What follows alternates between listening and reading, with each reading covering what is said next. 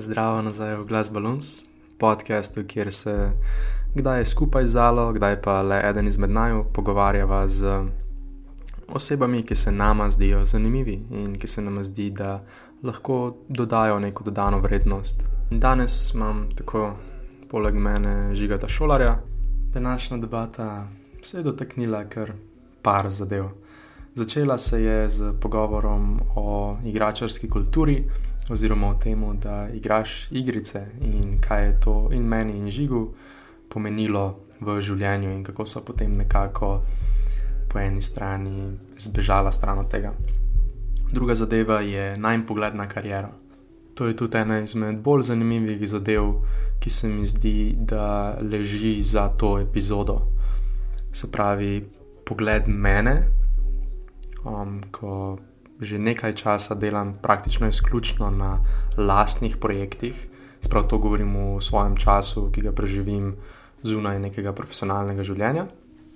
Se pravi, debato med mano in med nekom, ko v bistvu izvaja projekte um, z neko asociacijo oziroma z nekimi organizacijami, um, in potem nekakšna primerjava, kaj oba vidiva v tem.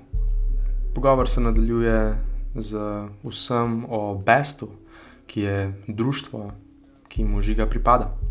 Pogovor pa zapakirava lepo z eno lahko temo, duševno zdravje.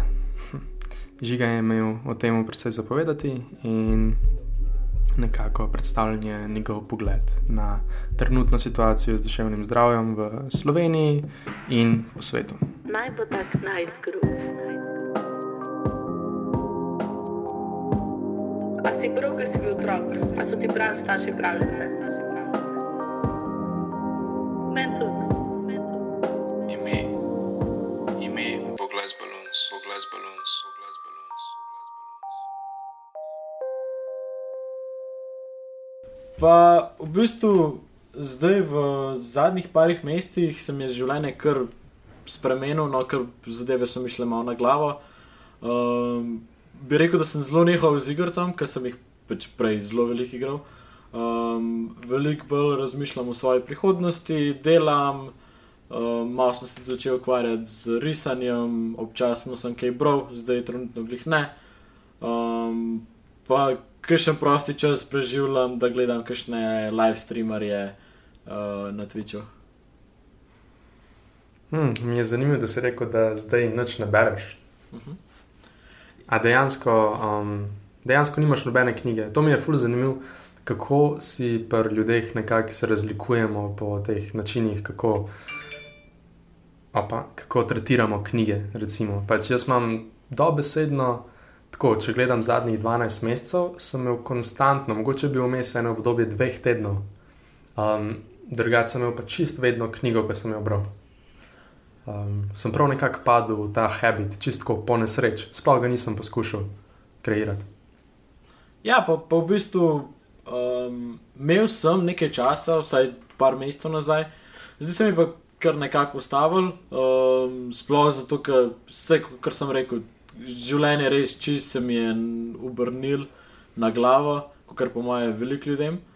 Um, in tudi te habiti, ki sem jih razvil, so se mi mogoče malo so se mi podarili um, in jih zdaj počasi probujem graditi uh, nazaj. Hm. In prej si omenil gaming, to je bil pač eden izmed uh, habitov nas vseh, sklepam še posebej pač na, v tej industriji, pač, um, torej programerski industriji. Mhm. Um, kako to, da si nekako nehal igrati? Kaj jaz sem tudi, ampak me pač zanima tvoj razlog. Ja, pa v bistvu um, ja, jaz sem gamer že od zelo, zelo mehkih nog, že nekje od, bi rekel, šestega leta, um, pol proti drugi polovici osnovne šole, pa celo srednjo šolo je bil to kot drugi del mojega življenja, ker v bistvu um, sem prišel noter, pa sem se dejansko pač v tistem liku, sem se tako igral v Anga, da sem se kar nekako zgubil noter uh, da je ti postal kot del mojega življenja, oziroma za tistih par ur, um, da sem jaz živel tisto življenje.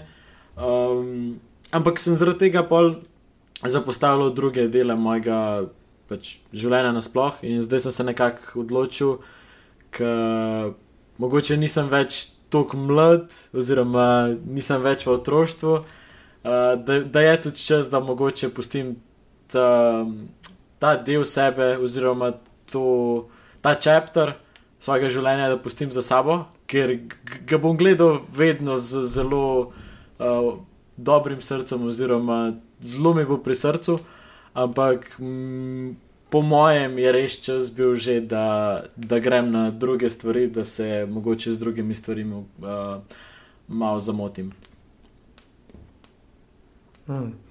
Mi je pa fully všeč, da si v bistvu nekako tako aktivno se lotil tega, da si v bistvu spremenil to svojo navado, pa pač uporabil pa ta nov čas za nekaj drugega. Ker meni se je recimo to zgodilo čistko. Spomnim, bil sem zdi, da drugi letnik ali pa potencialno tretji letnik gimnazije. Uh -huh. In um, sem kratko, iz, takrat sem bil full globoko v League of Legends igri Uh -huh. In sem kratko na polno dropil um, celotno igro in nisem več igral. Pol. In mi je bilo dejansko težko, par dni, ampak pa sem si pa kratko najdel neke nove zadeve v lifeu, pač tako full več sem se začel družiti uh, z ljudmi. Dejansko sem takrat dobil svojo prvo resno punco, pol, tako se mi zdaj je bilo en mesec ali pa dva meseca po temu. Um, vs, cel life se je nekako poklopil takrat. In zato, ker sem imel potem kar naenkrat toliko novih stvari v svojem življenju, nisem od takrat niti enkrat imel nekega momenta, kjer bi bil tako, ok, zdaj mi fullball pa še svoj celoten leisure time, da v igre. Uh -huh. Imel sem tako mogoče par momentov, ko, je, ko, pršla, ko pride neka zanimiva igra ven. Recimo, zdaj le ta teden je prišla, prišel Cyberpunk Mhm. ven, ne, to, me, to bom dejansko verjetno preigral. Ampak na igre gledam čisto iz druge perspektive, kot sem takrat, se pravi, kako je to zdaj, aj gess, šest let nazaj. Mhm. Uh, ker ne gledam več, v, gledam v bistvu tako, ker kni, na knjigo ali pa na dober film. Ne? Se pravi, pač ja, igral bom toliko časa, dokler je ne preigram. Tako je. Ja. In um, to je maksimalno 50 ur, recimo, za eno igro. Ne? Mislim, ponovadi, uh, razen če si full, če imaš full želje najdete vse te mehke zadeve v igri, ne? ker pač par folka full uživa v tem. Uh, ja, v bistvu um, jaz bi rekel, da mogoče sem malo začel nehati, zato ker nekaj časa sem imel res, uh, sem full spremljal tudi te e-športe oziroma e-sports.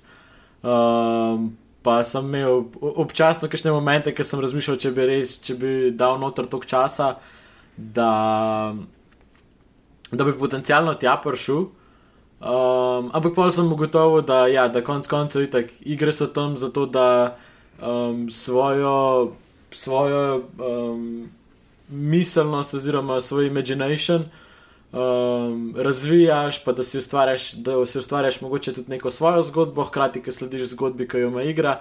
Pravi, glih tako, kot si rekel, kot neka dobra zgodba, ker si ti potencialno ustvarja zraven še kakšne stranske zgodbe, um, kjer imaš, si v bistvu ti glavni, kako boš prišel čez tisto, tisto zgodbo. Ali boš šel uh, poglavje za poglavjem, ali boš kakšnega preskočil, pa boš pol nazaj. Um, in se mi zdi, da je zelo, tak, zelo dober medij za ljudi, um, kjer nimajo dost, um, dost domišljije. Zelo tak dober medij za trenirati domišljijo. Hmm. Ja, se strinjam v bistvu. In tudi, ker si jih ta e-sports omenil, to je bil definitivno tudi moj glavni drive, še posebej potem, recimo zadnjo leto igranja League of Legends. Se pravi, jaz sem bil takrat star um, 15 let. 15, 16 let, 14, 15, 16 let, ja, uh Mhm. -huh. takrat sem igral League of Legends. Um, res sem imel tako idejo, ok, zdaj pa tako že cajt, da grem pač jaz e-sports level. Ne? Uh -huh. Uh, Meni se je lih takrat ta prvi slovenc prišel um, v eno izmed teh tajačih ekip tukaj v Evropi, se pravi e-sports ekip, ne? uh -huh. in je podpisal pogodbo z njimi. In uh, nekako sem imel še nekega skupnega prijatelja uh, s tem, uh, meni se je bil to Mikix, se pravi pač en, en Mihajl.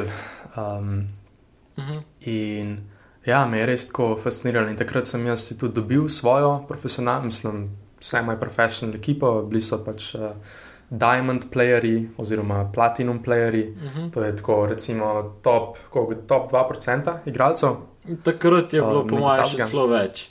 Top procent, po ali pa mojem. še več. Ja. Ja. In pač jaz sem dejansko bil tudi eden izmed njih, ne? ker sem pač po moje 8 ur vsak dan igral League of Legends. Ne? Mhm. ali pa še več. Um, in mi je fully zanimivo, kako že zdaj, tako, ko gledam nazaj, lahko opažam neke svoje trenutne zadeve, ki me zanimajo. Takrat. Pač jaz sem takrat, meni sem bil najmlajši v ekipi, ampak sem takoj prevzel ta kao leadership role, čeprav nisem bil najboljši Mhm. igralec. ne. Mhm. Uh, se pravi, jaz sem tako kot menedžiral, delal sem pač nam ta schedule, kako, kdaj bomo trenirali, kdaj bomo kakšno pač tekmovanje igrali. Uh, in sem full užival v tem menedžiranju folka, pa v tem, da sem nekako pomiril folk, če sta se recimo, se pravi, ekipa eSports, eh, League of Legends, ekipa znaša pet članov ponovadi. Um, uh -huh. Ker je pač tudi teh pet vlog, ki, more, ki se jih mora igrati znotraj igre. In doskrat se zgodi, da se folk med sabo skrega, ne? še posebej, ko gre kaj narobe v kakšni igri. In jaz sem nekako vedno prevzel to vlogo tega, kako bi rekel, medijatorja ne? in sem full užival v tem. Tako da sem v bistvu, skoraj bi lahko rečem, da mi je bilo bolj zabavno biti v tej vlogi medijatorja in zraven menedžirati celotno ekipo, kot pa dejansko igrati. um, ampak ja, pa sem šel nekako uh, čist ven iz tega, potem pri 16 letih. In nimam nič obžalovan, in sem tudi tako precej vesel, da sem ta move takrat naredil. No? Ja, mi je pa zanimivo tukaj ta gaming, ki smo se ga jih začela dotikati. Um, zdaj sem malo z Zalo, malo ričala out tem uh, nekakšnim slovenskim e-sports playerjem, pač League of Legends mm -hmm. playerjem, ki so v tujini, ki jih imamo v bistvu štiri, ki so na samem vrhu. Um, Ja. in so vsi lepo glih naše starosti, približno, mogoče malo kanček mlajši. In bi bilo zanimivo dobiti njihovo perspektivo na to, ker sklepam, da oni tudi o tem razmišljajo, ne? še posebej pač e-sports igralci, ko moraš nekako že razmišljati vnaprej v karieri po svoji karieri profesionalnega igralca. Ne? Ker to ponovadi, kot vidim na internetu, traja do mogoče 26 let, 25, pa že to Mhm. ponovadi malo prej nehajo. Ne? Po mojem, po mojem pa zelo malo mal teh e-sports igralcev, vsaj teh zelo mladih, razmišlja o svoji karieri naprej. Zato, ker so po mojem zelo v, v momentu, pa zelo ne razmišljajo dejansko v prihodnost, ker enostavno se jim nič ne korist, ker kaj pa bo spremenil. On, on mora biti v momentu, on mora biti tam, da, da performa isto kot kjerkoli športnik v bistvu. Ker dejansko, pač ja, sej, sej so elektronski športi, pa sej mogoče ne rabiš imeti toliko fizične sposobnosti, ampak dejansko rabiš nek talent. In, oziroma, rabiš dovolj časa vložiti v to. In dejansko, ko kar gledam, m, zelo ne razmišljajo v prihodnost, kaj bojo počeli. Vse večina pol začne streamati. Uh, ali pa kakšne video delati, ali pa kaj v, v tej smeri komentirati, uh, e-športe, karkoli podobnega. Ampak po mojih pa zelo malo razmišlja, kaj bojo počeli čez 5-10 let. Ja, mogoče bi tukaj lahko bili tudi umetnike, bi lahko dala v isti koš. Ker Mhm. ti si, recimo, na začetku svoje kariere, pač nek uspeh imaš, še posebej, če si nek tak malo bolj low-key artist, ne, da neko glasbo delaš ali pa kaj. Um, in to je dejansko ta zadeva, ki te najbolj ustreza početi v lifeu. In je tako, kot da bi dal pač ta vsa jajca v eno košaro. Ne, ne vem, če se v slovenščini tudi reče ta izraz. Se reče. Ja, All the eggs mislim- in mislim, one basket. Mislim, da se ne, ne uporablja, ampak po mojem, da daš vse na kup, uh, po mojem, Ja. da je podobno.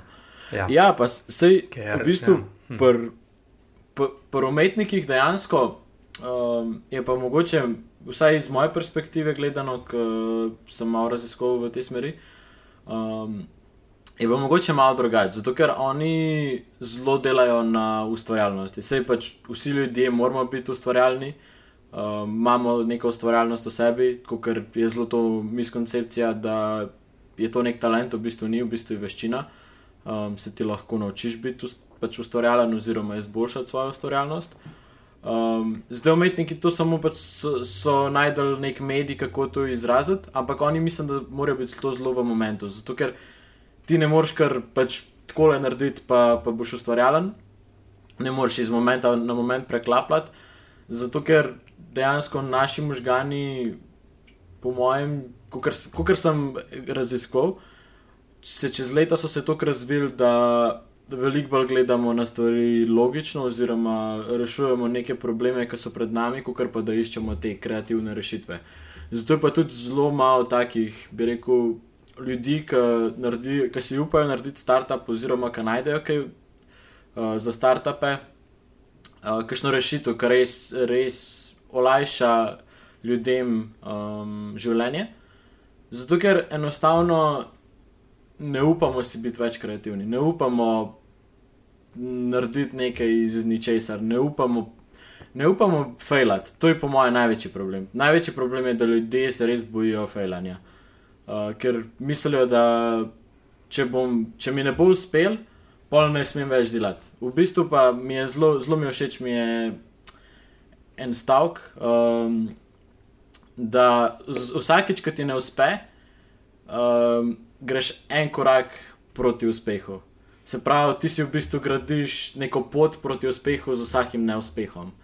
Um, mogoče pač ljudje, ki ne, uspe, ne uspejo, ne pomeni, da ne morejo tega narediti, Pro, pomeni, da ne znajo še tega narediti. Se pravi, nimajo še do, dovolj znanja, da jim bi uspel to, kar so si oni zamislili narediti. A pa bi tukaj rekel, da dejansko rabiš pač dejansko neuspehe imeti da dosežeš potem nek um, uspeh, eventually. Ker sem jaz, full, celotna ta industrija, še posebej pri startupih, pa ko greš brati neke knjige o tem, kako pač uspeti v tem svetu. Um, sem jaz zelo prisotno to, da folk govori. Ja, pač moraš iti samo zadeve, pa moraš čim večkrat failati, da pol ena zadeva rata. Uh mhm. -huh. Ampak -huh. potem se mi zdi, da folk, ko jim pa že tako nekako kar spelejo, pa jim pač ne vem, prva ali pa druga zadeva jim tako uspe, mhm. -huh. se po mojem počutijo tako, ok, to bo verjetno failal, zdaj le vsak čas. Um, ali pa se počutijo, da so mogoče malo guilty, da pač folk okoli njih, ne vem, um, faila, oni pa ne, in zdaj morajo še oni failati, uh mhm. -huh. mogoče.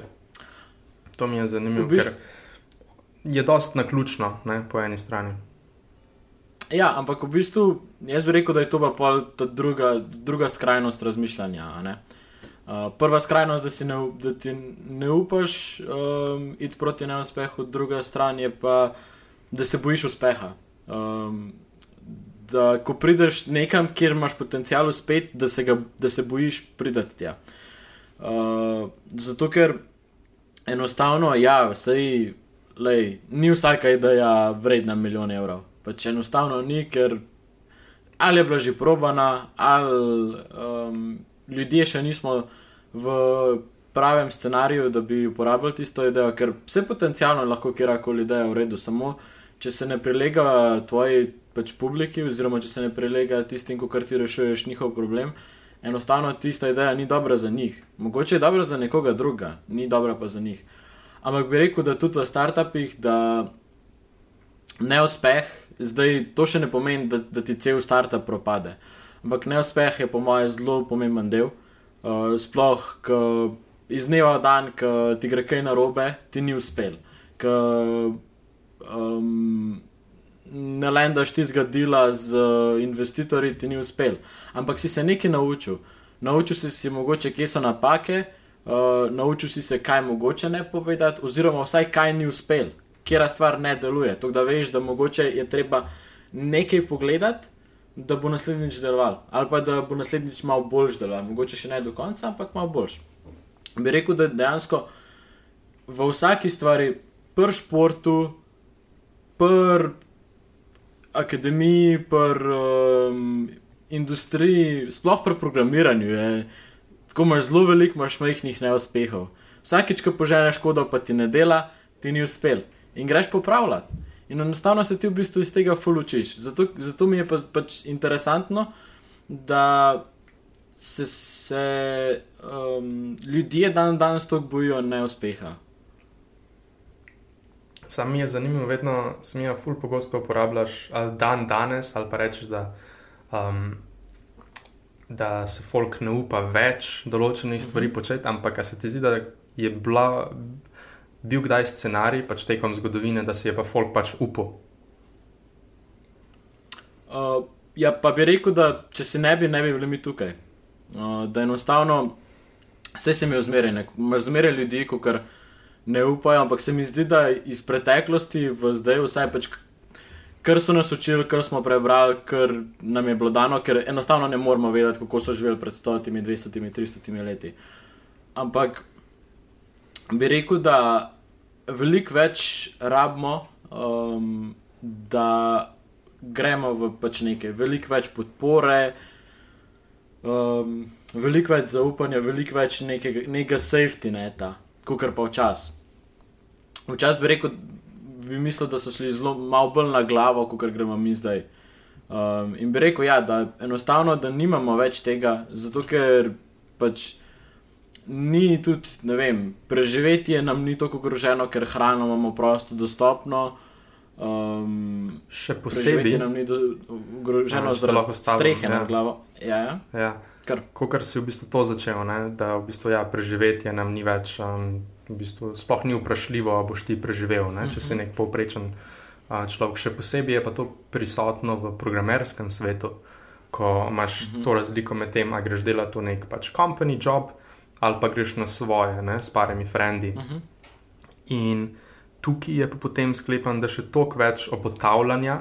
Ker ti se zavedaš, da, imaš, da tebe čaka zelo udoben life, um, če greš na nek company job. Ne? Uh -huh tudi za slovenske standarde, še posebej zelo dober life. Ne?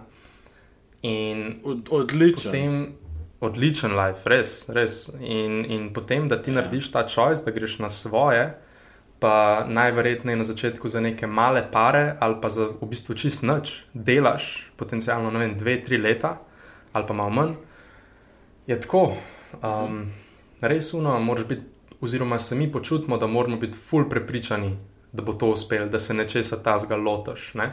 Ker ni, ni uno, da greš z mhm. nosom, kako se reče, z nosom za kruhom. A se tako reče. Ja. Um, ja. Se pravi, uh, ti ne iščeš nekega, um, ne vem, neke rešilne bilke. Ne? Ti dejansko iščeš nekaj, kar imaš idejo, da bi lahko bilo boljš od tega fulmočnega obdobja, kar pa že imaš na roki, um, na dosegu roke. In je zanimivo.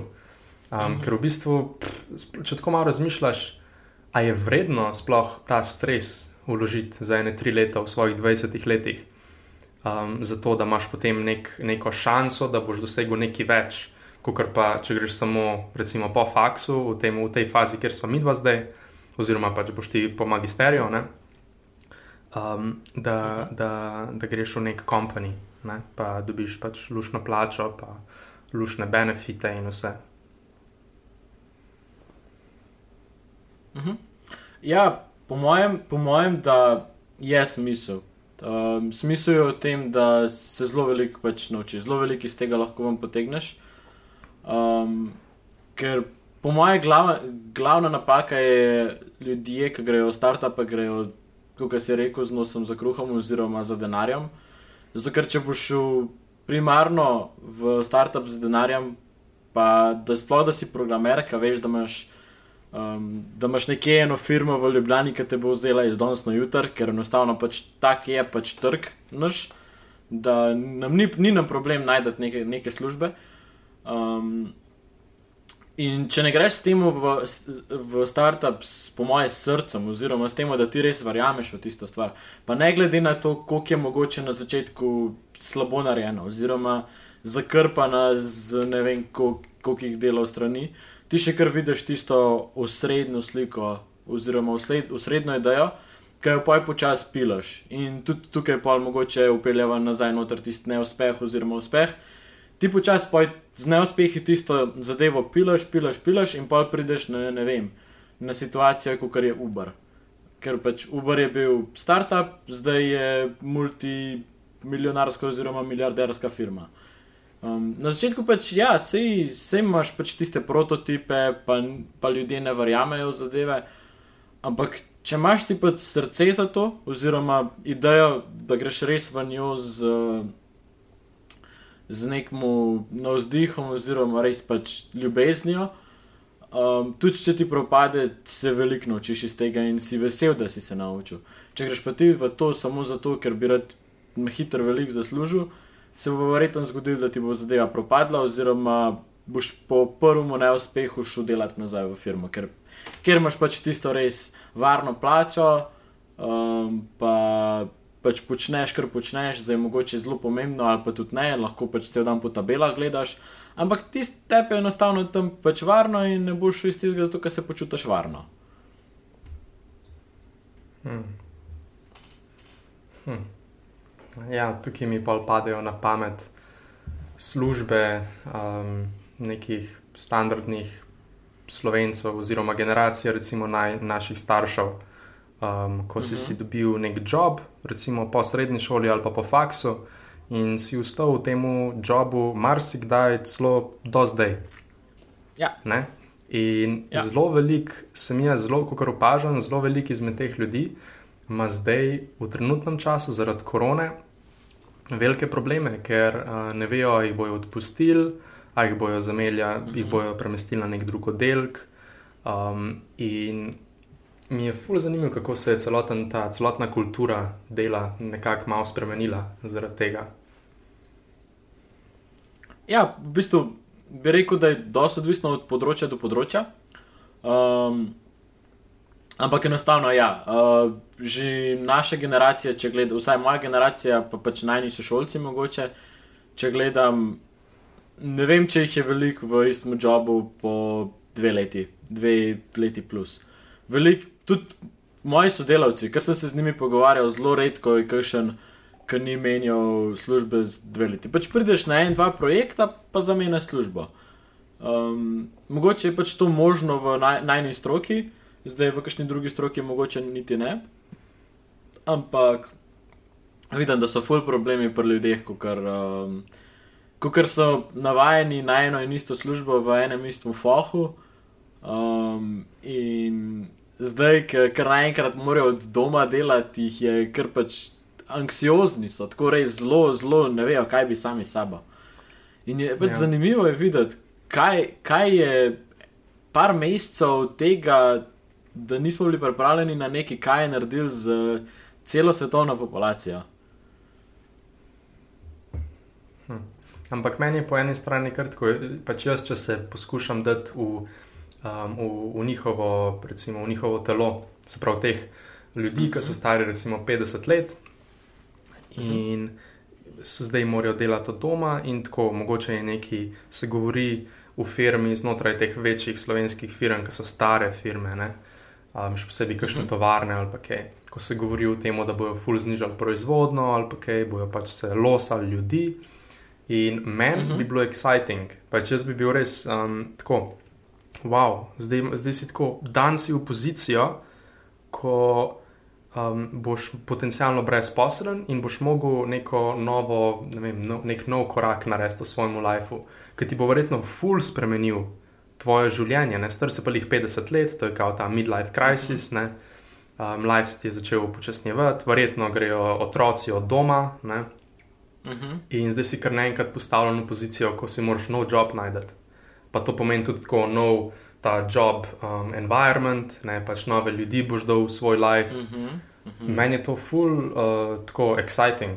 Ne vem. Ampak razumem pa, če si bil pa ti recimo 30 let ali pa še več na neki poziciji ne? in si počasi pač lezel gor, da pa mora biti tako kar grozno, no? tako scary. Ja, ja. Um, ampak po drugi strani pa mogoče mogoče bi tudi gledal na ljudi, kako, kako so okrog te kulture, kjer, oziroma tega po, pojava, kjer pač so odpuščeni, kako odreagirajo.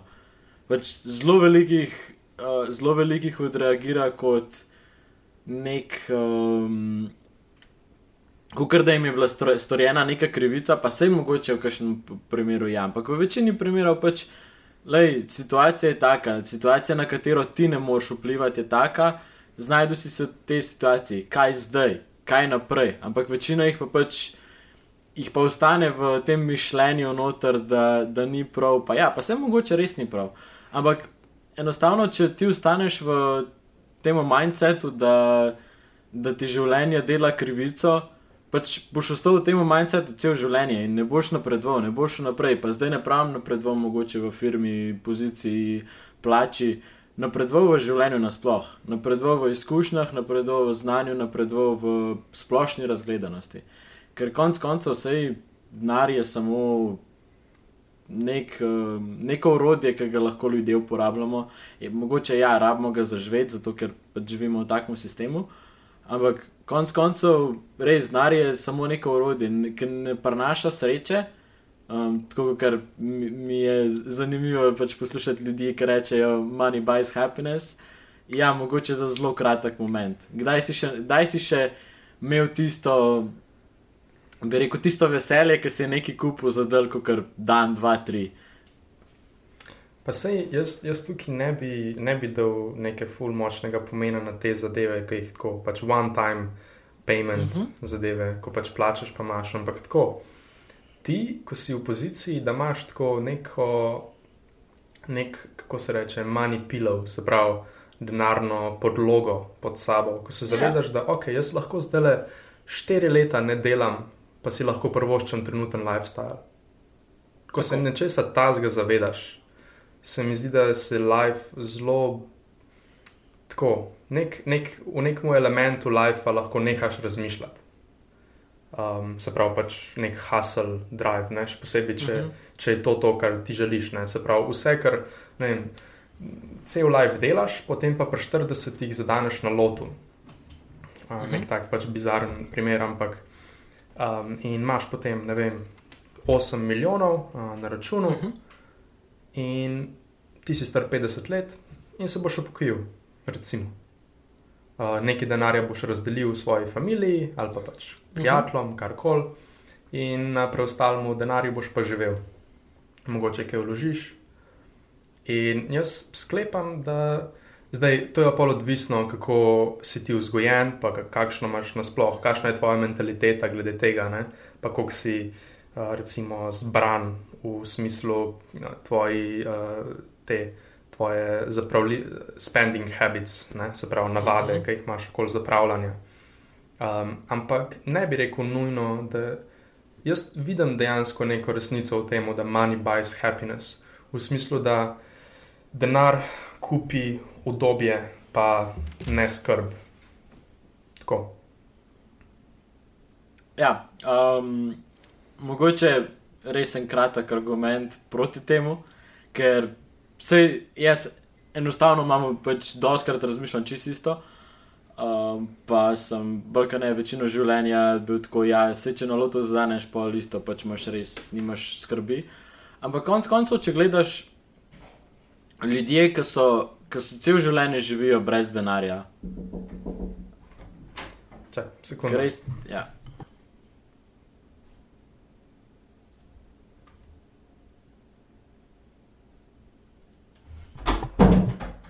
Maj bed. Okay. Imáš folk, ki cel life živijo brez, kaj? Ki živijo cel življenje v revščini, ki živijo bre, brez denarja, ki živijo da ne vejo, kaj je to udobje, da si ne morejo prvošiti stvari, ki si jih lahko midva. Pa, a so kaj manj srečni, kot midva, a so kaj manj srečni, kot milijonarji. Jaz, jaz bi rekel, da ne, jaz bi rekel, da so pač srečni, približno to, kot vsi ostali, zato ker imajo drugačne probleme.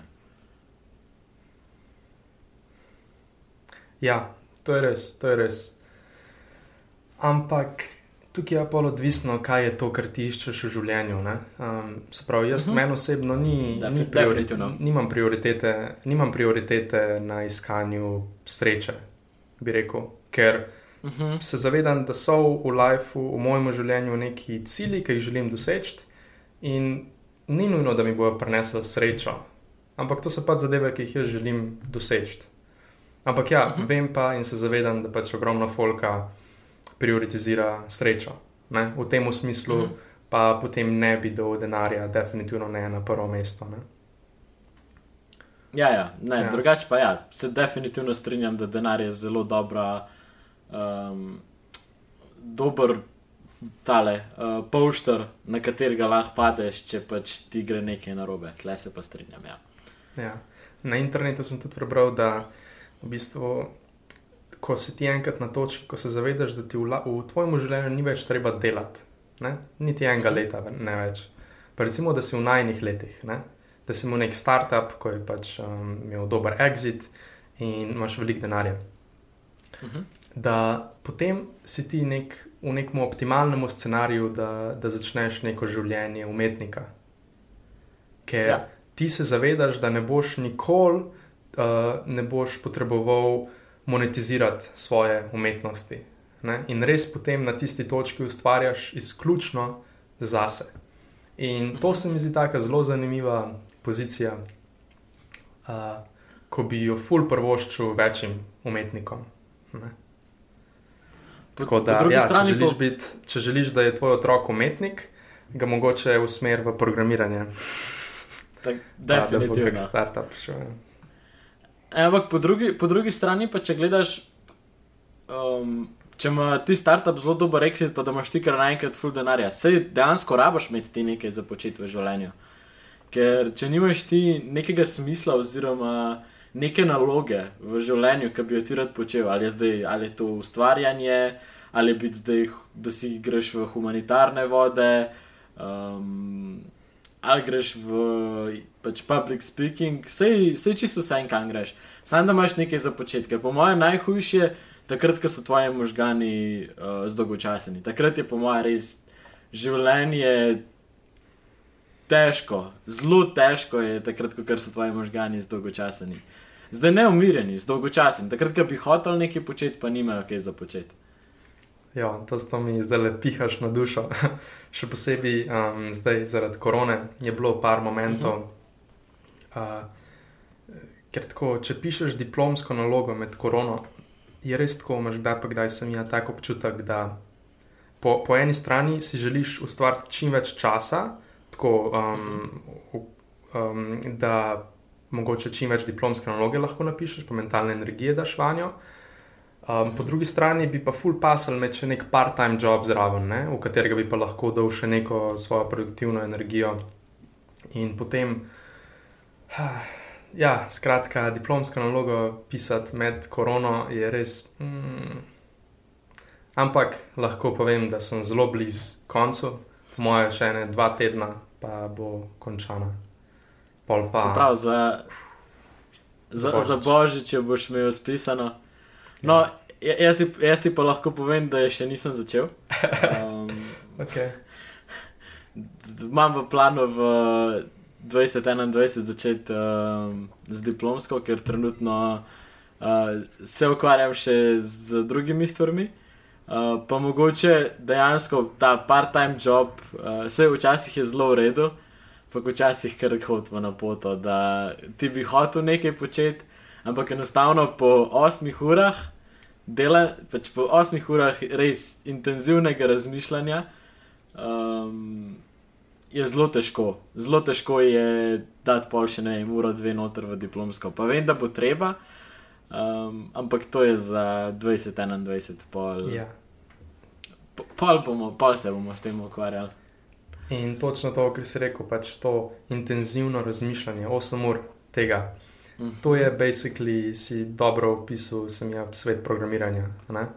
Um, zdi se mi, da Ja. ljudje izven najne industrije, oziroma ko niso poskusili programirati nikoli, res ne razumejo, kaj točno je programiranje. Ne? Mhm. Um, in to je taka neka nova industrija. Ne vem, ne vem s čim bi jo primerjal, tako iz zgodovine. Um, se pravi, kater ti V bistvu- priti bi pasel v, v vlogo programerja. Recimo. Po mojem, ne bi, ne bi dal nobenega tipa človeka, zato ker je zelo tak drugačen način. Ampak nekaj pa mogo, mogoče pa je nekaj, kjer, kjer se lahko ljudje kar poistovetijo. Bi rekel, da je to, kot da bi pisal, zdaj odvisno, koliko blizu si deadline, ampak kot da bi pisal test za 8 ur, uh, kjer bi mogel pač odgovarjati na, na pač nek matematičen test, kjer bi mogel iskati rešitve. To počneš 8 ur. In zdaj, bližje, ki si, bližje, ki si deadline, težji je test. Manj, ki si od deadline preveč lažji je test. Tudi več imaš, več stvari lahko pogledaš, uh, več se lahko naučiš, ampak bližje, ki pride rok, um, bolj zgleda kot neka vesoljska astrofizika, uh, ki je še nikoli v življenju nisi videl. To bi po, moj, po, mojem, po mojem je to zelo taka dobra analogija, kaj pač, kako zgleda programiranje. Hm, me zanima, kaj si folk posluša tole misel, če je to res dobra analogija. Pač, meni se zdi tako, ker razumem programiranje, meni je jasno, ful mi je, predvsem mi je jasno, um, kaj s tem želiš povedati, s to analogijo. Ampak nekdo, ko pa res nima pojma o programiranju, um, pa ne vem, če, če je karkoli odnesel od te analogije, ampak mi je pa ful všeč, ker je v bistvu ful. V bistvu, v bistvu niti, niti nisem tako ciljev na to, kako izgleda, kaj, kaj dejansko počneš. Ampak kako izgleda po tem, po tistih osmih urah, je kot da bi osem ur rešil ta test.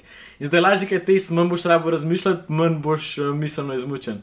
Težje, je, več boš rabo razmišljati, bolj boš miselno izmučen. In pač včasih, ki je res intenziven delavan dan, prideš domov stuzan, samo legel bi se, pa zaspal bi.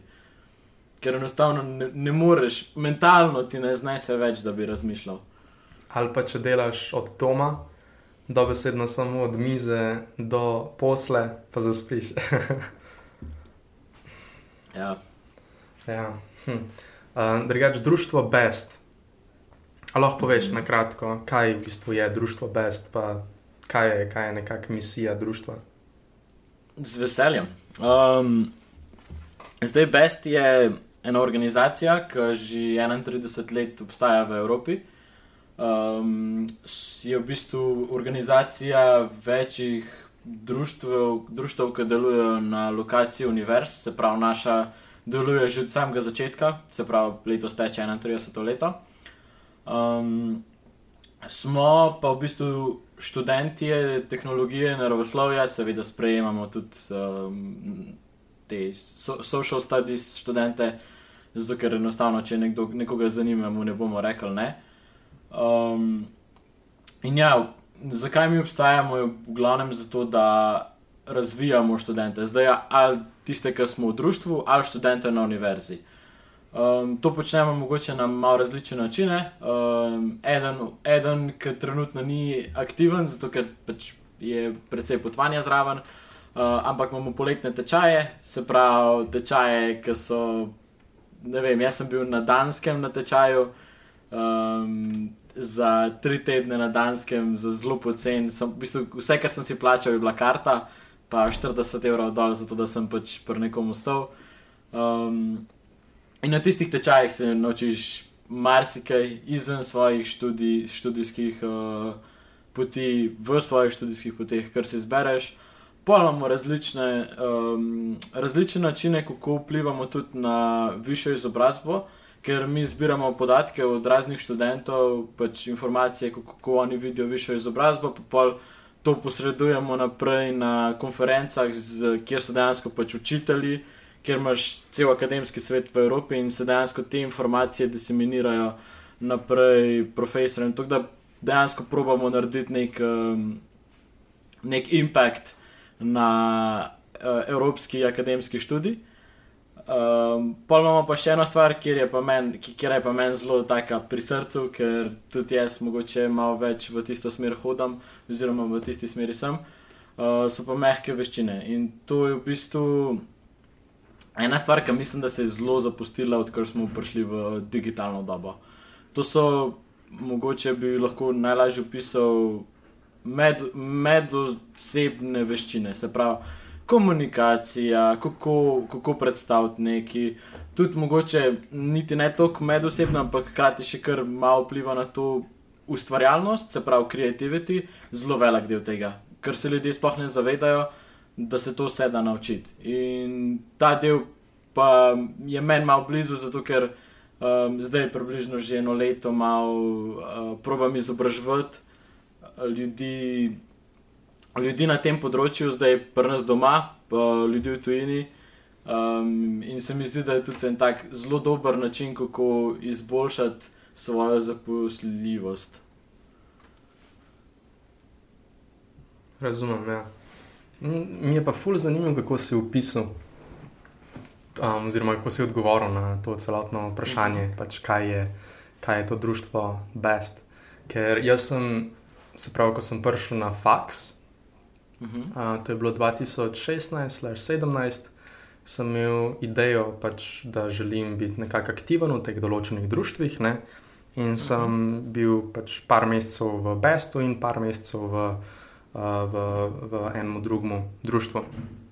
In to so v bistvu, jaz sem na, takrat na tisti točki sem to gledal kot društva, kjer lahko nekako sodelujem v nekih projektih um, skupaj z drugimi inženirji, ne, oziroma z drugimi študenti inženirstva, inženirskih faksov. -huh.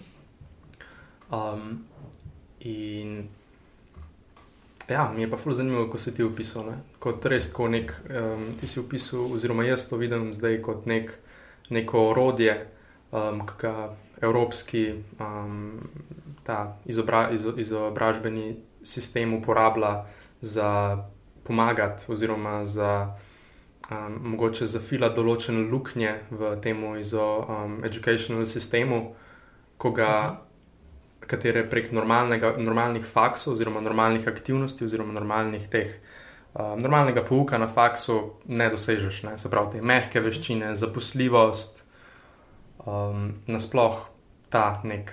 Ja, ne vem, kako bi vse to dal, probo, probo da to v, isto, v isti bucket, v isto vedro.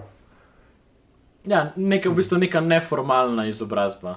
Neformalna izobrazba, ko je v mojem, v mojem mnenju močnejša, oziroma bolj pomembna za zadeve, kot so to. Kaj, kaj bo tvoja začetna plača, um, kako se boš ti štekel um, s folkom na šihtu, v smislu, koliko hitro boš ti lahko napredoval.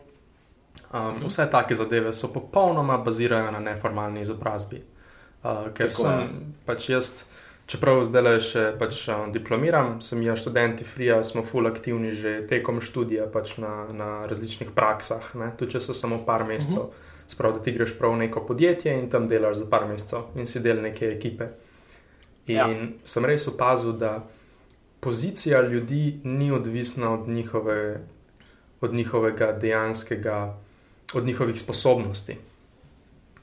Oziroma je tako.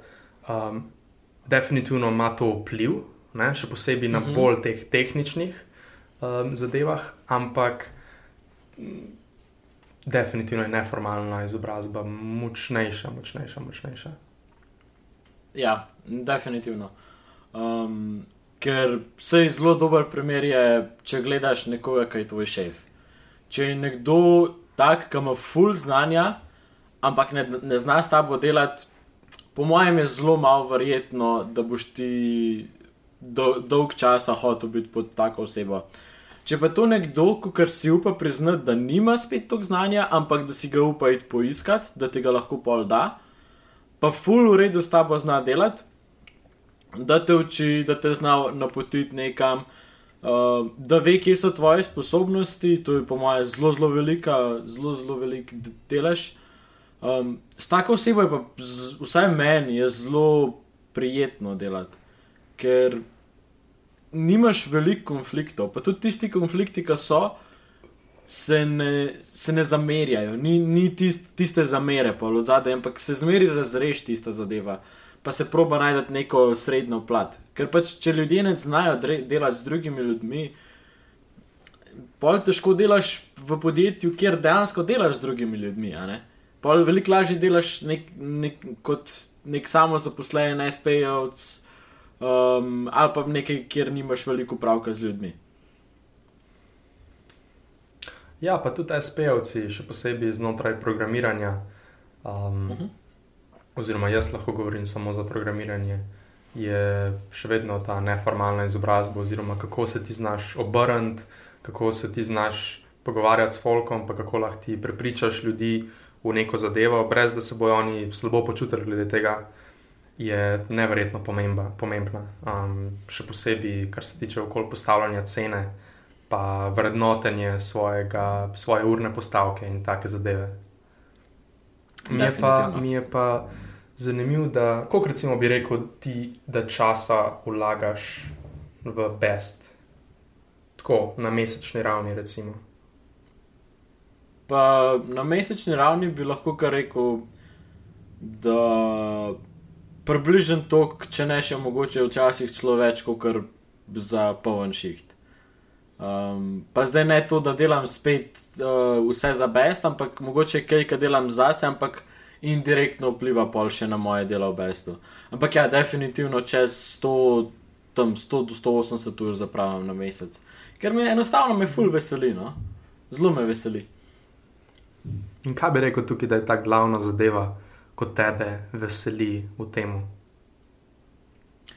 Um, pa v bistvu Tle, tle pa je ena zelo taka stvar, ki je mogoče mm, pri meni malo drugačna kot pri predvsej drugih uh, posameznikih. Je, jaz sem zelo rad, da um, ljudi spravim na nek višji nivo.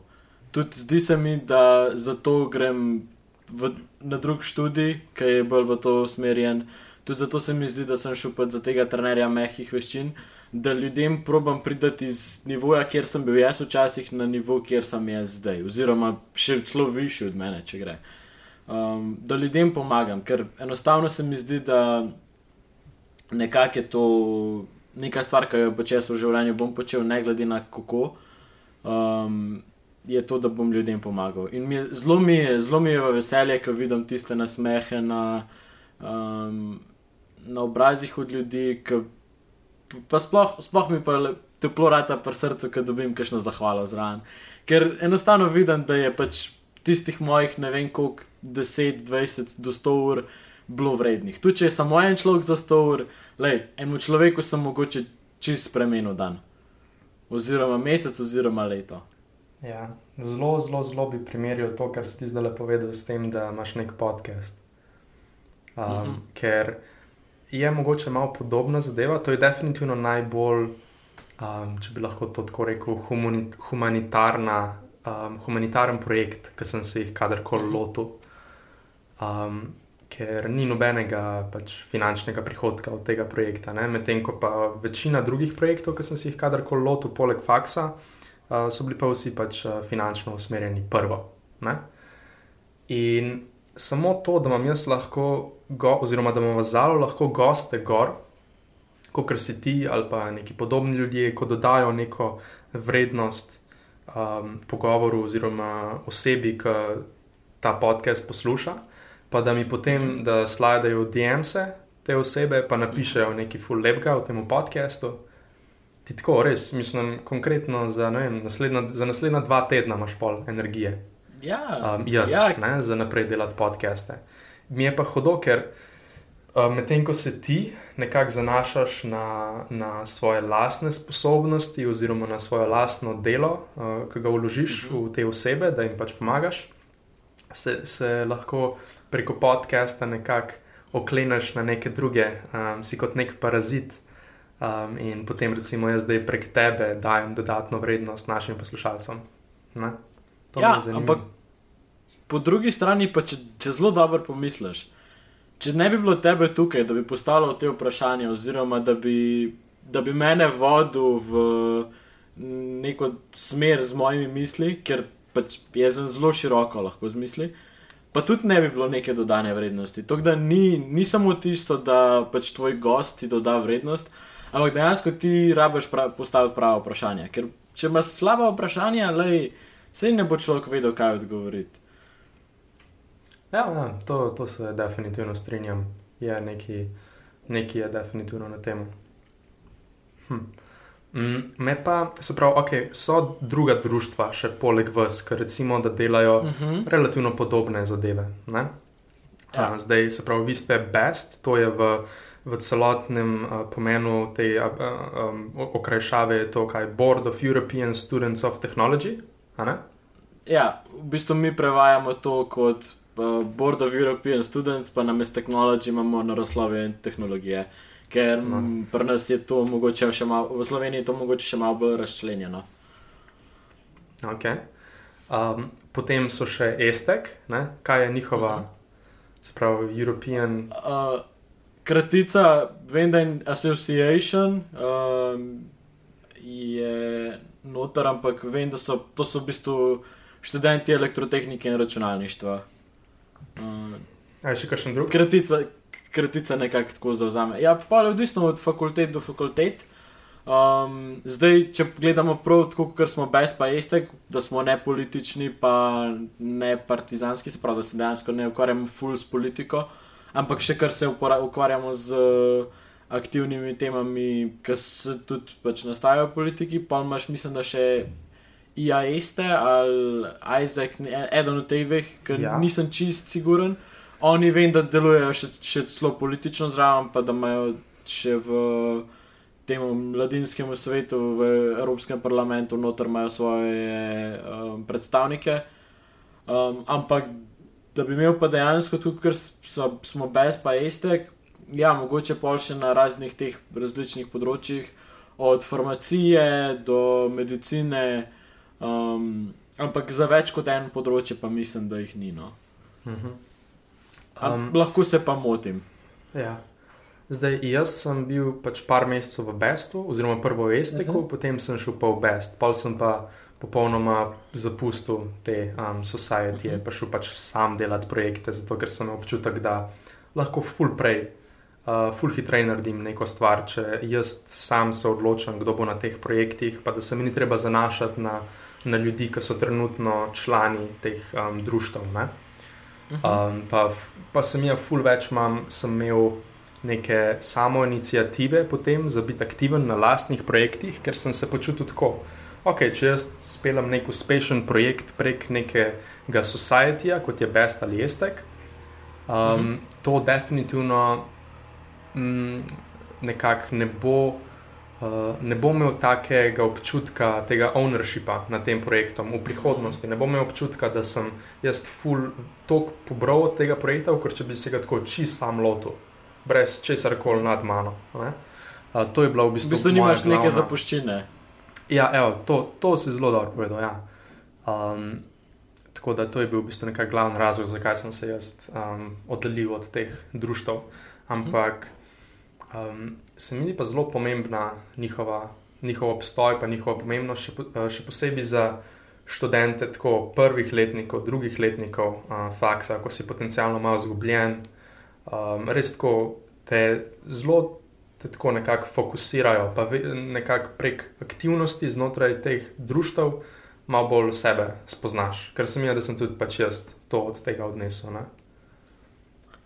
Ja, pa v bistvu jaz bi rekel, da je dejansko kot dan pa noč, ko gledaš um, ljudi izven teh društv, pa znotraj teh društv.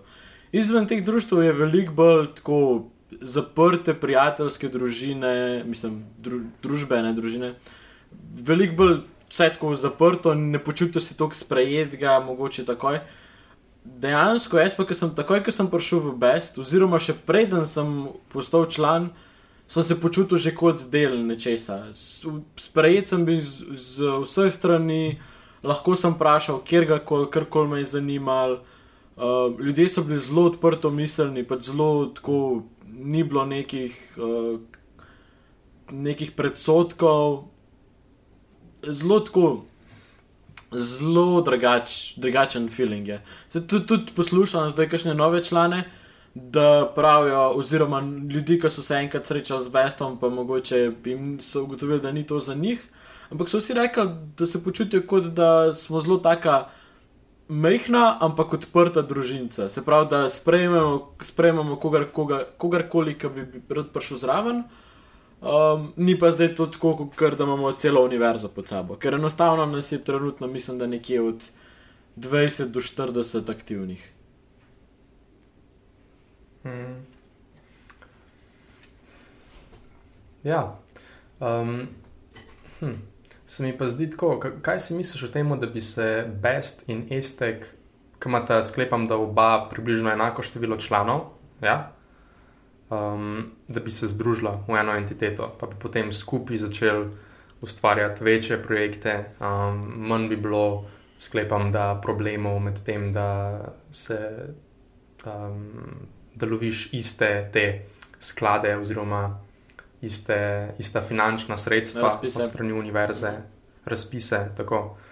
Um, kaj si v tem misliš, da bi se združile te dve zadevi? To, je, to so bili že definitivno pomisleki o tem, ker finančno se je zelo, je zelo smiselno, um, ker nam bi bilo veliko lažje, pa veliko boljše stvari bi lahko počeli. Um, ampak, če gledamo samo politiko v društvu, sta si društva, društva zelo različna. Sej delamo na pod, podobnih področjih, pa podobne stvari, ampak že naše misije. Um, Že naša misija, pa vizija je drugačna od STK, mi imamo drugačne vrednote, kot oni. Um, pa konec koncev je to še vseeno prostovoljna organizacija. Se pravi, noben ga se ne sil, da je tam nobeni pod pogodbo tam. In se mi zdi, da ja, sej smiselno bi bilo, vsaj v Ljubljani, zdaj mogoče ne povsod drugot. Um, ampak nekako zgubiš tisto identiteto, ker res zgubiš tisto identiteto, Besta ali pa STK um, če bi se te dve zadeve združile. In tudi tukaj vidim, mogoče eden izmed razlogov, zakaj jih ohraniti kot ločeni entiteti, je število članov. Zato, ker že samo če opažaš, oziroma če gledaš kakšne te um, skupnosti ljudi, ki so Mhm. nad 40, nad 50 ljudi. Nima, nekako zgubiš tisto inicijativo, da bi šel spoznavati ta folk, da bi, šel, da bi dejansko postal neka mala družinica, ne? kot si pač ti Ja. rekel. Ker avtomatsko, ko je full več teh ljudi, zgubi nek, um, neko, ja, nek, kaj bi temu rekel, ne vem, kako bi to opisal, ampak ja, um, definitivno se v bistvu nekako strinjam, da je fino, da sta ločeni zadevi. Pa tudi mogoče se obe lotevata drugačnih projektov v nekem smislu. Mhm. Um, Ja. ja. Hm. Ampak, a se kdaj uh, zgodi kakšen kolab ali kaj? Um, smo že probavali, vsaj lansko leto, ko sem bil jaz v predsedstvu Besta, smo probavali nekaj, ampak eno, enostavno, glede na to, da smo še kar prostovoljno društvo, smo si preveč, vsaj miselno različni, pa mogoče imamo različ, preveč različne plane, da bi imeli nek skupen projekt. Ampak definitivno pa sej, sej smo zelo tako, nismo zdaj, da se sovražimo ali pa ne, da direktno tekmujemo ker se zmenimo nekako tudi, kar se tiče sponzorjev, pa podjetij, katerim se približamo, um, da si jih nekako delimo, in po drugi strani pa je tudi zelo tako neko prijateljstvo iz. Um, Prijateljstvo pa je skupaj pride. Sploh to je zelo, zelo dobro vidno. Uh, naprimer, ko se uh, predsedstvo društva zamenja tam nekje v avgustu, imamo pol v septembru te treninge mehkih veščin, kako pač biti vodja za obe dve društvi hkrati, se pravi za obe predsedstvi hkrati. Se pravi, se že tle se nekako pozna, da, da imamo pač tisto povezavo, da, da nas nekaj skupaj vleče, ampak mislim, da, da, ja, da, pač zgubi, da bi izgubili nek tisti čar, kot ga ima ta vsak uh, in Aestek in Best, kot ga vsak prenesete, če se bi združil skupaj. Mhm. Sem pa tako, malo, uh, zelo veliko razmišljal v bistvu o, o podcastih, pa kaj točno Uh -huh. stoji, oziroma eh, kaj, zakaj, so, zakaj so podcasti sploh priljubljeni, pač kaj, kaj folk vidi v tem. In bi mi bilo zanimivo, če bi imeli neko izmed, kakšen izmed teh društv, uh, da bi imeli svoj podcast. Ne, ko bi ga tako redno furali, pa da bi imeli dejansko v redu poštudiran, sprav, kako bi ga zrastali, ne samo tako, da imajo neke neznane člane gor, tako, ampak kaj si v tem misliš? Uh -huh. Ja, v bistvu jaz sem glih malo razmišljal o tem, ne, že ne dva, tri mesece, da razmišljam o tem, zato ker se mi zdi, da, kot sem omenil, podcasti so zelo dobri za poslušalce, ker dejansko stimulirajo nek, neke misli v poslušalcu. Um, mogoče jih tudi, jim tudi da malo tisto, porine jih v eno smer, zato da oni pol začnejo malo o tem razmišljati, ali pa jim dejansko da nek, uh, nek nasvet, kako reševati nek problem. Se pravi, podcasti so zelo, zelo široki lahko. uh, v svojem namenu.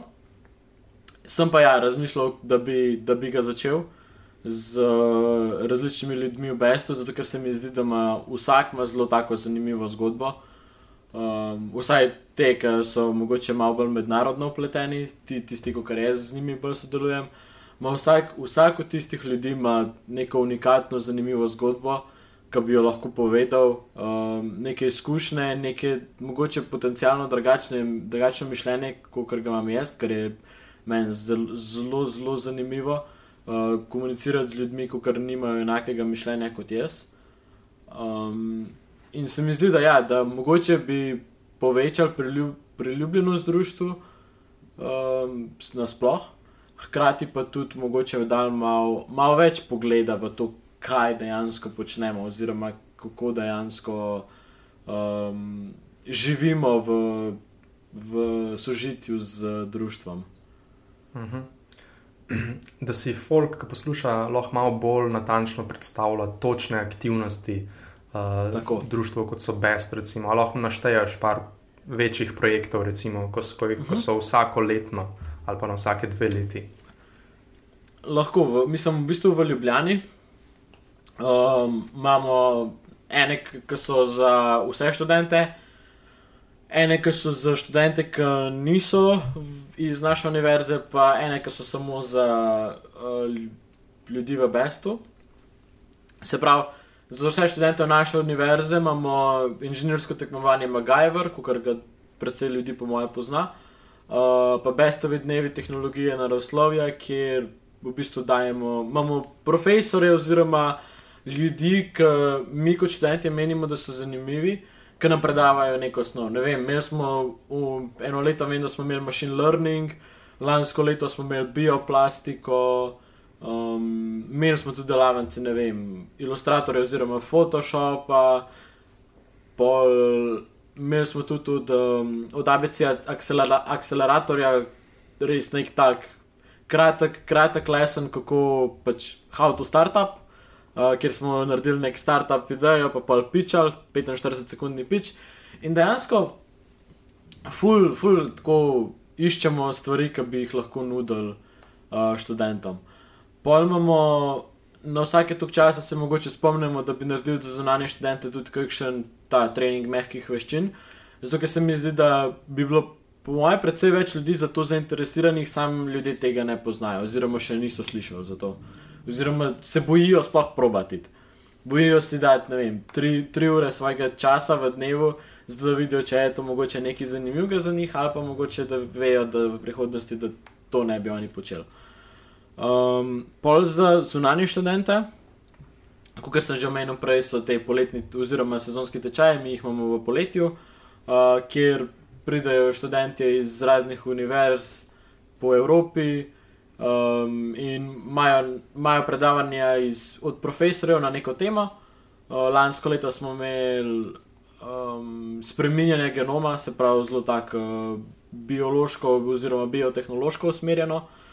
Um, pa smo imeli študente, ki ne vem, mislim, da smo imeli nekoga, ki je študiral, študiral pomorstvo. Tako da nekoga, ki ful ni v tem svetu, pa je prišel pač poslušati predavanje na to. Tako, uh, in pa zraven. Ja. Um, moja druga, se pravi, ko sem se odločil, za kjer faks naj grem, um, uh -huh. v zadnjem letniku gimnazije, uh, sem tako pečitek samo, samo free, ne, se pravi računalništvo v mislih, uh mhm. -huh. ampak mogo si da če neko drugo možnost. In jaz sem uh -huh. dal pomorstvo, pomorstvo okay. v Kopru. Tako da, sorry, nadaljuj, mogo sem. Ker. Uh, ja, in v bistvu pol spoznavajo zraven še malo kulturo, pa valjda imamo kakšno žurkost, da se pa še malo zabavajo. In na teh, na teh dejansko tečajih ljudje zgradijo zelo taka. Um, Zelo taka prijateljstva, ki trajajo. No.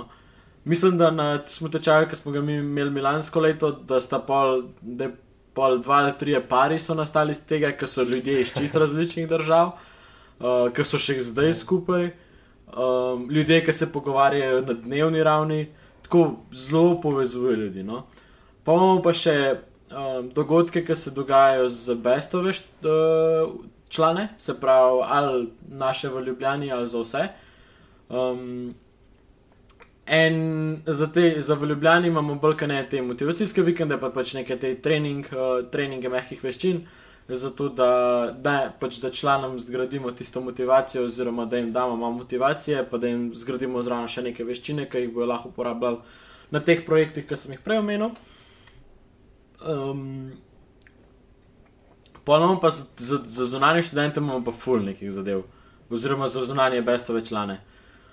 Um, zdaj, glih prejšnji teden sem jaz organiziral, zdaj letos je bilo online, drugače bi bilo živo. Um, regijsko srečanje, se pravi, imamo beske razdeljen v ne geografske, ampak tako bolj niso glih čist smiselne regije, ker je pač nekih uh, pet-šest kriterijev, po katerih se razdelijo. Uh, ampak dejansko devet društv, tri predstavniki iz vsakega društva, se pravi, imeli smo 27, uh, vsaj 27 ljudmi, plus tistimi, ki so podajali še vsebino. Uh, in oni so se spoznali pač med sabo, so spoznali mednarodni del uh, Besta, so se kaj naučili, uh, pa zraven so se še zabavali, lahko so, lahko so tudi um, izmenjali si znanja in tam tudi zgradiš zelo takih, zelo dobra prijateljstva. No? Um, mislim, da povsod imaš, vsaj v Bestu, kaj taka kultura, imaš povsod zelo tako odprto, da si gradiš poznanstva, prijateljstva ali pa sam, ali pa sam izkušnje, um, ki jih lahko kasneje uporabljaš v življenju, ki na teh dogodkih. No? Tako da zelo, zelo je raznoliko, kaj nekdo hoče. Hm.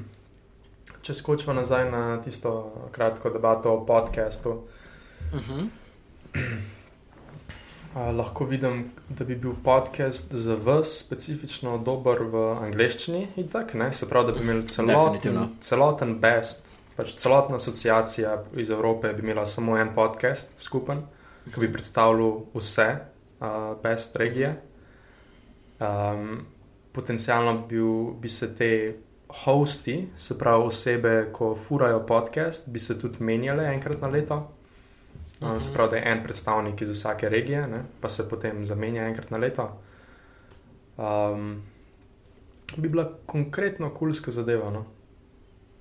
Ker ja. potem bi res lahko neko znanje v bestu agregiral, pa ga dal tako precej velikemu številu ljudi. Ker tudi, če, recimo, če bi vi zaštartali svoj podcast, ne samo slovenski branč, besta, uh -huh. Um, sklepam, da bi tako ne vidim neke jasne, jasne linije, kako bi uh, dobili veliko poslušalcev, oziroma kako bi pač dejansko imeli nek vpliv, da bi se splačali furati zadeva. Ne? Ampak, če bi mhm. imela pa celotna besta asociacija. Um, samo en podcast, pa bi vsaka izmed teh vaših manjših asociacij uh, furala nek audience uh, k podcastu, uh mhm. -huh. bi pa znal biti ful zanimiv. No? In definitivno, ja. tako, če bi bila to potencijalna vloga, ki bi jo lahko prevzel nek, pač nek X član uh, Besta, uh mhm. -huh. jaz bi bil definitivno za, če bi bil jaz pač aktiven član. Uh, in potem moraš pač vem, eno leto ali pa pol leta, en semester, ne vem, moraš ti furati podcast. Ne? In tudi ta postopek, da ti prideš v pozicijo hosta, uh, bi mogel biti precej zahteven, v smislu, ne, ne bi smel kar vsak priti v to pozicijo, ker um, definitivno vzame neki. Še posebej teh neformalnih sposobnosti, um, da lahko ti nekako furaš zanimiv podcast, ne? ker ne želiš, da se mhm. audience porazgubi um, iz leta v leto, zato ker je pač nek beden človek prevzel celotno zadevo. Ne? Tako da definitivno bila to zadeva, ki bi jo jaz tako v tvoji vlogi poskušal realizirati, pa pičati. Ne vem, higher-upom v bestu, kdorkoli je to. A je tako, en, um, en big, v bistvu, uh, big person, ali je to ženska ali moški. V bistvu ne, v bistvu so podružnice, um, te lokalne skupine so tiste, ki kar delajo odločitve. Imamo, imamo mednarodni board, oziroma mednarodno predsedstvo, ampak oni nimajo spet tako veliko uh, moči. Ni to kot neko podjetje, kjer imaš pač ti nekega direktorja, direktorja, direktorjev, um, ampak je vsa društva, oziroma vse podružnice, ki so polnopravne, se pravi, imamo pač različne nivoje, nivoje članstva, ampak govorijo zdaj samo tisti, ki imajo pač vse pravice, pa vse dožnosti. Um, tisti, mislim, da, ne, da jih je nekje čez 80, no, oni delajo odločitve. In sploh pri takih zadevah bi bili, po mojem, oni tisti, ki bi delali te odločitve. Tako da, konec koncev je to treba predstaviti pred vsemi temi društvi in če se oni te, s tem strinjajo, pol bi to šlo čez. Ja, po mojem je časno za nek tak podvig. Meni se, se mi zdi zelo logičen move, nekaj tasga. Smo, smo že o tem govorili, pa imamo, imamo pač jaz pa še ne par ljudi smo imeli pogovor že o tem, pa malo delamo v to smer, da bi uh, se kaj v, tem realizirali. Uh, Zaenkrat se srečujemo z zelo veliko virami, um, sploh, ker si v menu menjava, menjava hostov, to dela velik preglavic. Um, ampak ja, lej, če se najde, kot sem rekel, veliko neuspehov, ampak mogoče bomo pa enkrat prišli do tistega uspeha, ki ga rabimo. to se dobro povedo, ja. Hm. Aj, še kaj tasga, ko imaš v mislih neka tema, ko ful razmišljaš o njej zadnje tedne ali pa zadnje dni. Pa v bistvu ne samo zadnje tedne, pa zadnje dni, ampak po mojem, bolj kar zadnje leto. Um, zelo veliko velik uh, raziskujem na področju um, mentalnega zdravja, oziroma mental health, kako pač bolj, bolj znan pojem, ker mogoče v Sloveniji niti ni tako razširjeno oziroma priznano.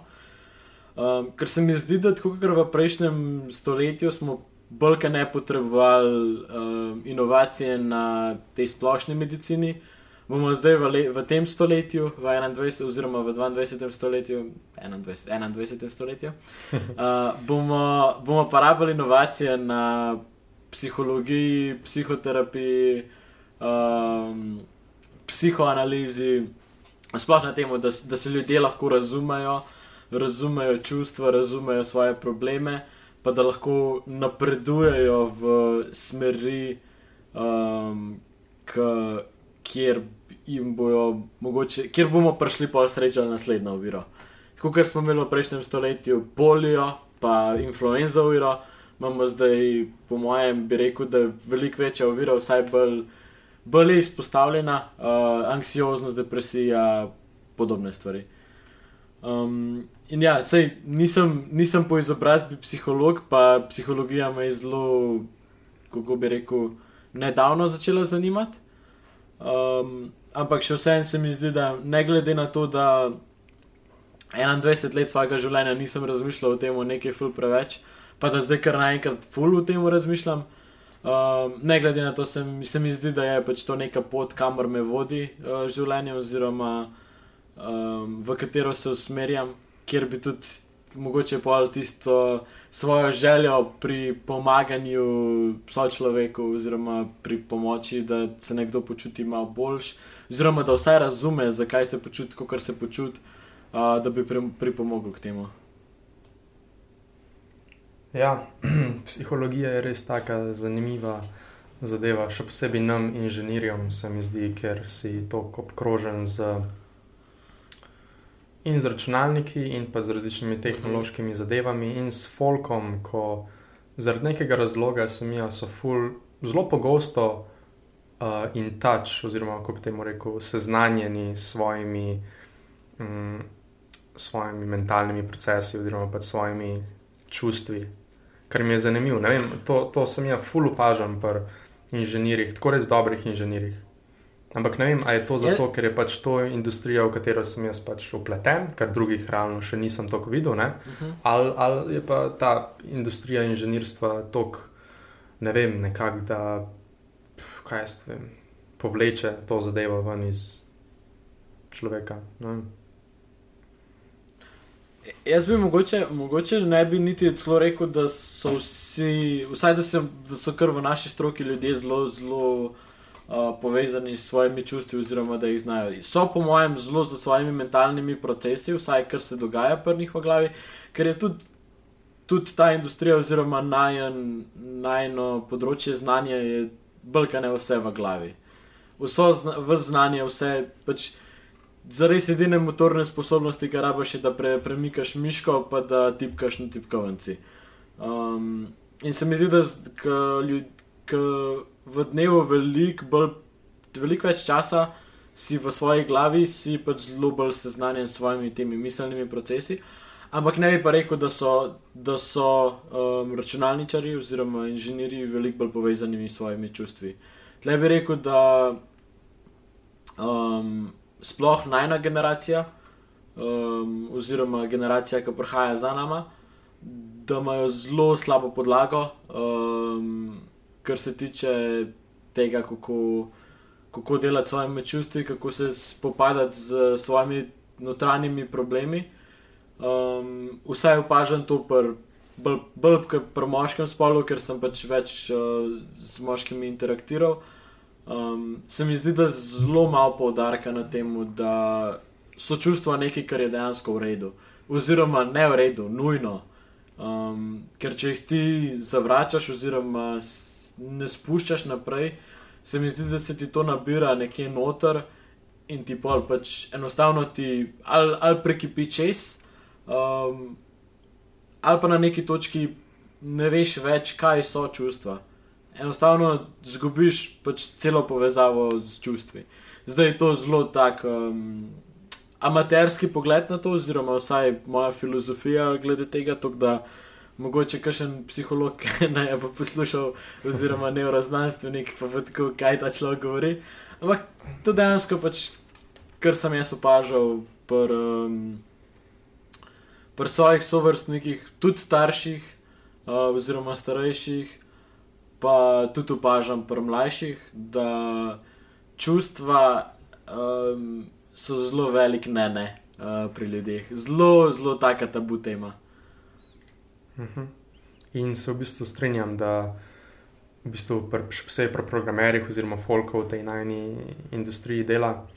Uh, ja, čustva niso, uh, niso preveč izražena, in tudi sem se jaz v bistvu na robe izrazil. Ful mi je dejansko lažje v angleščini razmišljati te um, zadeve. Pač v angleščini bi jaz rekel, da ta folk je bolj tako in touch with their mental processes ali pa nekaj mm. tasga. In polk sem hotel to na hitro prevedati v slovenščino, mi je tako seznanjeni s svojimi čustvi. um, ja, ampak ja, ti si veliko boljš povedal, ne? se pravi, ja, pač mentalni procesi. Ne?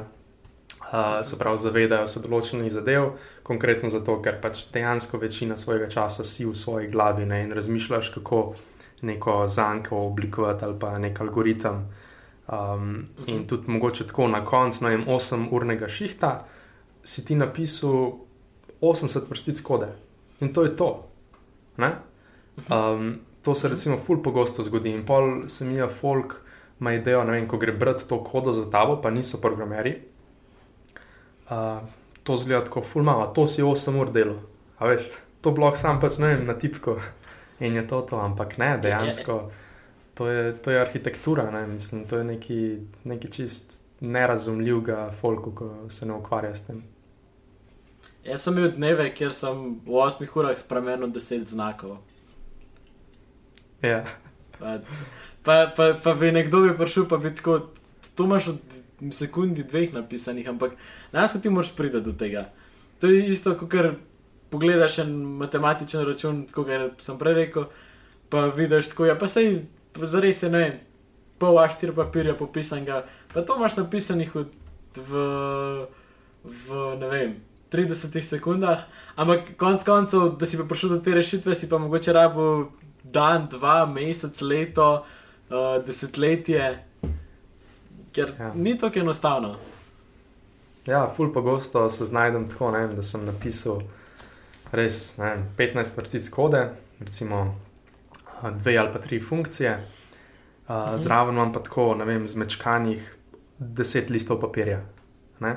Ali pa, oziroma jaz si pač ne vem, zaradi nekega razloga si shranjujem vse te moje um, pač note, ko si jih pišem, pač mental, mental note, -huh. ko pišem kodo zraven in imam eno škatlo, kjer imam shranjeno uh, vse te zadeve. Ne vem, kaj bi s tem naredil, sicer mogoče bom, ne vem, ko bom star 30 let uh, za kuru. who knows, um, ampak ne. Hm. A bereš kakšno kulsko knjigo zadnje čase? Um, trenutno ne, ampak čakam, da, da mi pridete v bistvu dve knjige, sem naročil. Um, čakam, da pride Atomic Habits, ki mi zelo tudi me začel, so me začeli, sploh med karanteno, zanimati, uh, zanimati te dobre navade, pa kako, kako jih vzpostavljati, pa kako jih držati, ker se mi zdi, da je to zelo, zelo težko. Uh, pa je ena taka malo bolj kontroverzna knjiga, pa ne zato, ker bi pač ideologije nje prevzel, ampak bi rad videl bolj v filozofijo oziroma anal analiziral jo bi. Um, je pa od uh, Marksa, uh, Communist Manifesto, sem si naročil, ker si ga že nekaj časa, že, že nekaj časa bi pač si želim to knjigo prebrati. Uh, ker me dejansko me zanima, pač, kako, kako je človek razmišljal, da je prišel do, do tega sistema, kjer, kjer pač ni do zdaj še nikjer uspel. Ampak tako, enostavno, enostavno, ne glede na to, kdo je pisal knjigo, če je, če je nekaj teorije za tem, če je nekaj. Ki, je, ki ni čista fantazija, oziroma da jaz, vid, da jaz vidim, da, je, pač, da se da neki zagrabiti neko nit, um, ne glede na to, kdo je napisal knjigo, um, bom prebral. Naprimer, um, tudi Žižek me zadnje čase malo začel zanimati, ampak vem, leto nazaj sem prebral od Petersona 12 eh, pravil za življenje, se pravi dve, dve, dve osebi na čist različnih spektrih. Mm, tukaj mi je zanimivo. Um, jaz sem se lani spravil, oziroma ko sem bil na svoji izmenjavi v Berlinu, spravil je to zdaj mm -hmm. pol leta nazaj, jaz recimo, uh, sem se spravil brati uh, Wealth of Nations, se pravi bogatstvo narodov. Uh, nimam zdaj glih v glavi, kdo je avtor, ampak to je v bistvu knjiga, tako ena je 600 strani dolga, k, na kateri bazira trenutna, trenu, oziroma trenutna vizija kapitalizma. Um, uh -huh. In tako, kot me zanimajo te zadeve, um, mi je bilo precej težko brati. Meni sem prebral prvih 150 strani, crka. In uh mhm. -huh. to je to, kaj enega znanja, srkaš vase, pa to tako govori o različnih pravicah posameznikov, podjetij, kar me zanimajo, tako da bi jih vem, selektivno bral ali pa zvedel, kaj je v njih.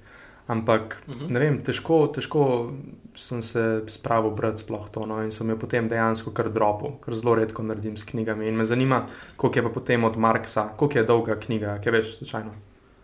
Ne vem, nisem gledal. Um, Zares zelo malkrat pogledam, kako je dolga knjiga, ker berem knjige, ki so dolge, ne vem, sto strani, tudi pa bral sem knjige, ki so dolge tisoč, pa še nekaj strani.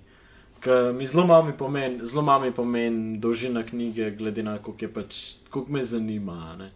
Ker jaz si le, mogoče meni tudi ne bo od Marksa uh, knjiga zanimiva, pa jo bom pač, pa bom rekel, le, ni mi to zanimivo, mogoče za kakšen drug čas.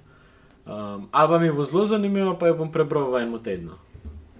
Ja, no, to mi definitivno moraš sporočiti kako ti bo uh, knjiga. Mogoče boš zdaj mogel malo dlje časa čakati na njo, ker um, zdaj so začeli pa zaradi korone full uh, podaljševati te čase dostave. Uh, se pravi, iz enega tedna na en mesec je zdaj, kao, mhm. da čakaš. Ampak. Uh, ja, tako kot, kot neko zadnje vprašanje, da, da pa ponovadi zalo gostom, se pravi, kaj vidijo v imenu Glass Balloons, stekleni baloni. Uh mhm. -huh. Ker dejansko lahko imaš idejo, da te to tako predstavlja, ne skončno zadevo. Ne? Pa me zanima, kaj si ti o tem misliš. Uh, prvič, v bistvu, ki sem jim omenil ime, um, ste ne vem, kdaj bo to približno, po moje, pol leta nazaj, mogoče celo eno, eno leto nazaj, ki si prvič, mislim, da začel razmišljati o podkastu. Uh -huh. uh, pa, ki si omenil ime Glass Balloon, se mi ni to, sploh pač ni mi bilo uno, ni mi nič takega pa, pa, na pamet padal. Ampak pa pa sem začel malo razmišljati. Um, baloni se mi zdijo zelo taki um, prosti, oziroma free, um, če bi, in the words of America, freedom. Um, zdijo se mi, da pač so zelo, zelo svobodni, a ne balon, če pač. Recimo, da je nafilan s helijem, ne z navadnim zrakom. Če ga boš spustil, ti bo odletel. Um, zdaj, to je pač ta balon del, pa imaš pa pač ta del stekla, se mi pa zdi, da je zelo tako. Um, steklo je nek uh, medij, kjer lahko mi gledamo v svet, oziroma v tem primeru v, um, v glavo, oziroma misli tebe in v tem primeru mene, oziroma tebe ali zale in vajnih gostov. Tako da po eni strani ja, se mi zdi zelo tak. Um, Zelo smiselni naslov, oziroma zelo, mm, zelo smiselen. No? Sploh iz moje strani, v tem, kar sem malo mal razmišljal, da se mi zdi, da um, nekako povzame nek mehan del od um, govorca oziroma intervjuerja, pa njegovega intervjuvanca uh, misli, ampak po drugi strani jih pa da v svet, da si ljudje lahko to raz, um, da razumi, razumevajo na, na tisoč in en način, um, da se te misli interpretirajo po svoje, kot hočejo, ampak hkrati pa pač še kar so tam. Se pravi, je, je na mestu, um, ampak lahko pa pogledaš iz tisoč in enega kota. Uh, in mogoče drug kot, ki ga boš pogledal, um, bo čist, um, drugač, čist drugače boš gledal na to. No? To je nekako, kako sem si jaz predstavljal ta ime. Ja, ja ful mi je všeč razlaga, še posebej to, da si izpostavil to spravo, povezavo med steklom in tem, da je prozorno. Smijo te povezave ni še nihče naredil, um, od Folka, ki je bil na podkastu, se mi zdi, lahko samo tam. No? Um, ampak ja, full hodon.